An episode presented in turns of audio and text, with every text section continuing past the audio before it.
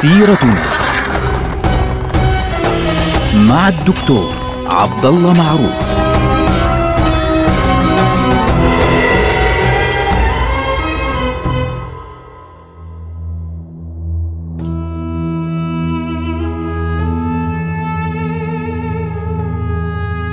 السلام عليكم ورحمة الله وبركاته. سيرتنا سيرة هذه الأمة العظيمة، ونحن الآن سنبدأ في الحديث عن واحدة من أهم الدول اللي هي مرتبطة فعليا بتاريخنا المعاصر وهي الدولة العثمانية. طبعا في الحلقات الماضية تكلمنا عن الدولة المملوكية لأنه هي التي آه، آه، يعني أخذت الراية من دولة الأيوبيين وبالتالي أيضا أخذت الراية من الدولة العباسية من الخلافة العباسية لأنها نقلت الخلافة العباسية من العراق بعد سقوط بغداد بيد المغول إلى القاهرة فعليا على يد السلطان الظاهر بيبرس في هذه المرحلة سنبدأ بالحديث إن شاء الله عز وجل يعني منذ الآن في الحلقات القادمة إن شاء الله سنبدأ الحديث عن الدولة العثمانية. ولكن لابد في البداية من أن نرسم خريطة يعني قيام الدولة العثمانية وخلفيات قيام الدولة العثمانية لأن الدولة العثمانية لم تكن هيك يعني شيء طالع في التاريخ من لا شيء وإنما هي فعليا دولة قامت من رحم الأحداث التي حصلت منذ العصر السلجوقي. منذ عصر النفوذ السلجوقي يعني قبل الاحتلال الصليبي كانت الإرهاصات التي بدأت من خلالها نتجت عنها إن صح التعبير قيام هذه الدولة العثمانية. طبعا الدولة العثمانية ابتداء قامت في منطقة الأناضول ومنطقة الأناضول طبعا هذه كانت على مر التاريخ الإنساني إن صح التعبير قبل آه، منذ تأسيس الدولة البيزنطية حتى يعني قيام دولة السلاجقة في هذه المنطقة كانت دائما جزءا من الإمبراطورية البيزنطية وكان سكانها يسمون الروم يعني هم أقرب إلى اليونان. طيب نحن نعرف أنه هؤلاء أتراك يعني نحن نعرف أن العثمانيين أتراك ومن قبلهم أيضا السلاجقة أتراك الأتراك أصلهم من وسط آسيا كيف وصلوا إلى هذه المنطقة؟ في حلقة سابقة تكلمنا عن معركة ملاذ كرد أو ملازكرت كما تسمى. وهذه المعركة كانت بين السلطان البارسلان والإمبراطور رومانوس الرابع الإمبراطور البيزنطي وكانت هزيمة الإمبراطور البيزنطي فيها مدوية وأدت إلى انسياح إن صح التعبير الأتراك إلى داخل منطقة الأناضول. هذا الانسياح والهجرة الكبيرة التي حدثت من الأتراك من وسط آسيا حتى الدخول في وسط الأناضول أدت إلى تغيير التركيبة السكانية لهذه المنطقة. وبالتالي دولة السلاجقة هي الأساس الأول لانطلاق الدولة العثمانية بعد مئات السنوات فعليا من هذه الحادثة. طبعا بعد وفاة السلطان البارسلان استلم الحكم ولده ملك شاه الأول وبعد وفاة ملك شاه الأول دب النزاع بين أبنائه وانقسمت دولة السلاجقة إلى عدة دول كان من بينها دولة سلاجقة الروم. تأسست هذه الدولة عام 470 للهجرة الموافق لسنة 1077 للميلاد. يعني قبل الحملة الصليبية أو بداية الحملة الصليبية الأولى بحوالي تقريبا 20 آه، سنة. فهذه الدولة أسسها رجل اسمه سليمان ابن قطلمش. هذا الرجل عاش أو حكم يعني أول تسع سنوات من 470 ل 479 وهذا الرجل آه، هو الذي أسس هذه الدولة وغير واقع هذه المنطقة وبالتالي آه، لأنه طبعا كما قلنا لم تكن المنطقة أصلا تركية وإنما تأسيس هذه الدولة بعد ذلك على يد آه، هذا الرجل لما ضعفت الدولة السلاجقة العظام. أدى إلى يعني تقوية الوجود التركي في منطقة الأناضول. طبعا سليمان ابن قطلمش أو وصل إلى مدينة نيقيا اللي هي كانت قديما يعني واحدة بالعكس كانت تعتبر إحدى العواصم الكبرى للدولة البيزنطية. فاتخذ هذه المدينة عاصمة له. فما إن جاءت يعني بعد ثلاث سنوات فقط تمكن من أن يسيطر على معظم أراضي الأناضول وأسس هذه الدولة اللي دام حكمها فترة طويلة جدا يعني نتكلم عن حوالي يعني أكثر من أكثر من 200 سنة. آه هذه السلطنة التي أسسها هذا الرجل اللي هو سليمان بن قتلمش سميت سلطنة سلاجقة الروم. وعاصمتها كما قلنا كانت مدينة نيقيا.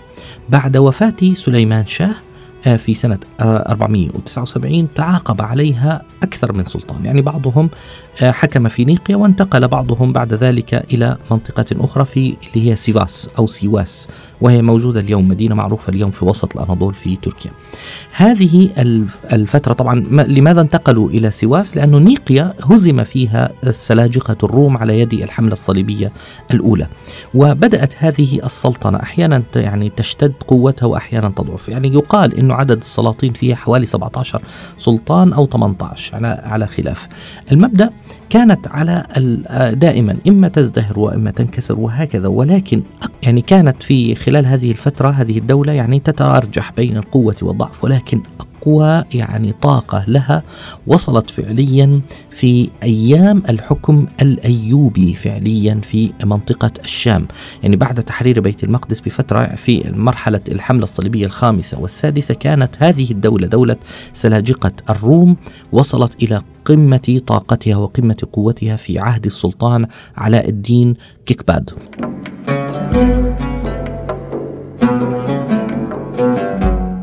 هذه المرحلة على فكرة هي السلطان علاء الدين هي المرحلة التي توافق ظهور أبو الدو أبو مؤسس الدولة العثمانية اللي هو آه، أرطغرل.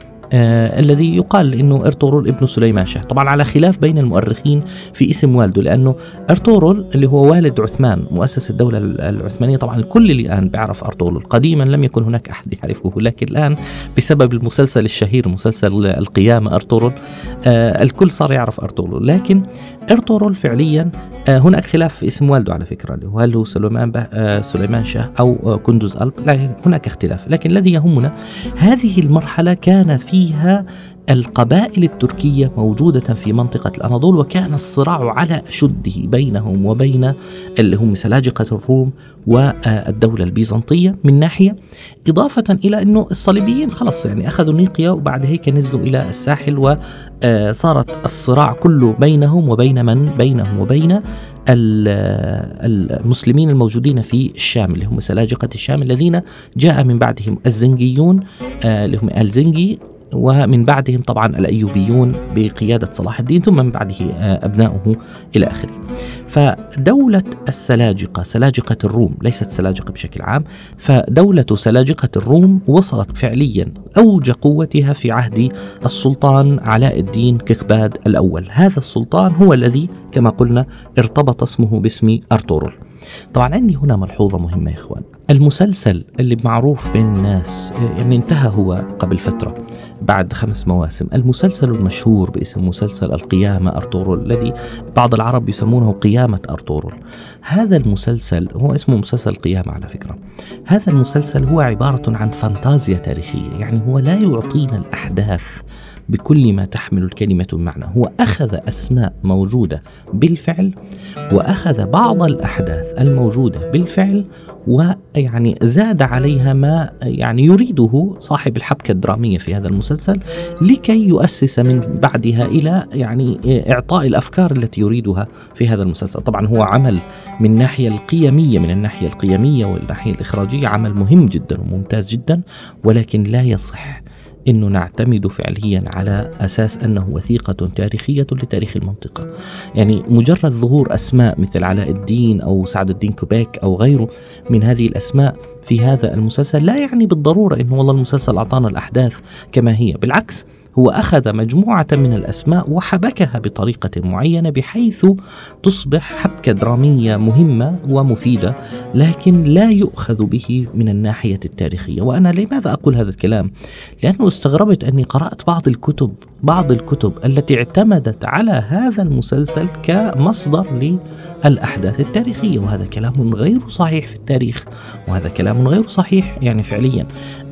نضرب أمثلة بسيطة. يعني حليمة سلطان زوجة أرطغرل عاشت معه فترة طويلة هو عاش حتى 90 سنة. فعاشت معه فترة طويلة ويعني عاشت حتى رأت ابنها عثمان وصل إلى الثلاثينات من عمره وتوفيت بعد ذلك. لكن طبعا للضرورة الدرامية في المسلسل لبعض المسائل المرتبطة بالممثلين جابوا والله أنه هي توفيت قبل فترة وعثمان صغير وجابوا أسماء أخرى. يعني هذا الكلام يدلنا بوضوح على أننا ينبغي أن لا نأخذ الدراما على أنها وثيقة تاريخية لكن نهتم بها في الناحية القيمية إنه هذه بتعطينا قيمة مهمة بتعطينا قيمة مفيدة. طبعا هذه الدولة نرجع إلى دولة سلاجقة الروم، هذه الدولة عندما تأسست في يعني منتهى القوة في عهد علاء الدين كيكبات كما قلنا كانت العالم الإسلامي من الناحية الأخرى يواجه قدوم المغول الذين يعني وصلوا بالفعل إلى إلى حدود العراق وحدود الأناضول في عهد جنكيز خان.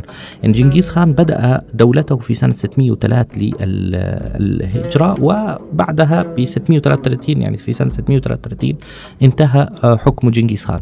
في هذه المرحلة أثناء وجود العصر آه، علاء الدين كيكباد على آه، على الحكم كان آه، جنكيز خان مواجها له فعليا لكن لم يقتتل معه ولم يصل معه إلى أي يعني صراع لم يصل بينه وبين جنكيز خان أي احتكاك فعليا.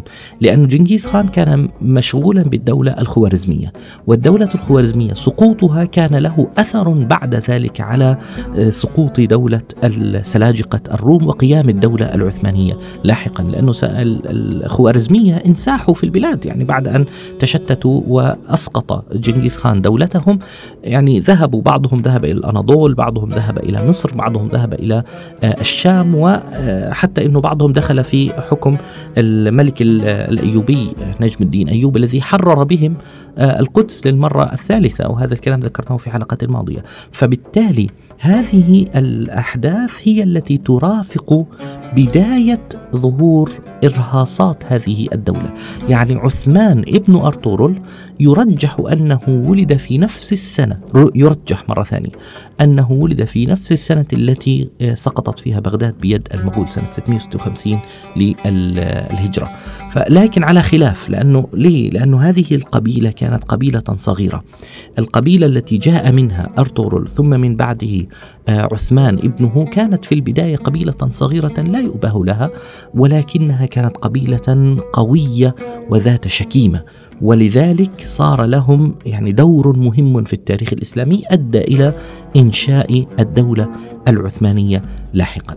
هذه النقاط لابد أن نقدم بها بين يدي قيام الدولة العثمانية التي سيكتب لها التاريخ أن تعيش 500 عام مثلها مثل الدولة العباسية التي قامت آه، في العراق حتى سقوطها في العراق بعد ذلك. فبالتالي هذه المقدمة لابد منها لكي نفهم كيف ومن أين جاء العثمانيون ومتى بدأ فعليا ظهور آه، قوة العثمانيين الذين أدى بعد ذلك إلى قيام دولتهم. نلقاكم على خير والسلام عليكم.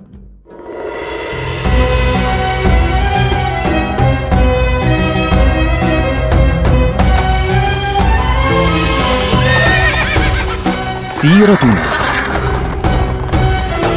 مع الدكتور عبد الله معروف.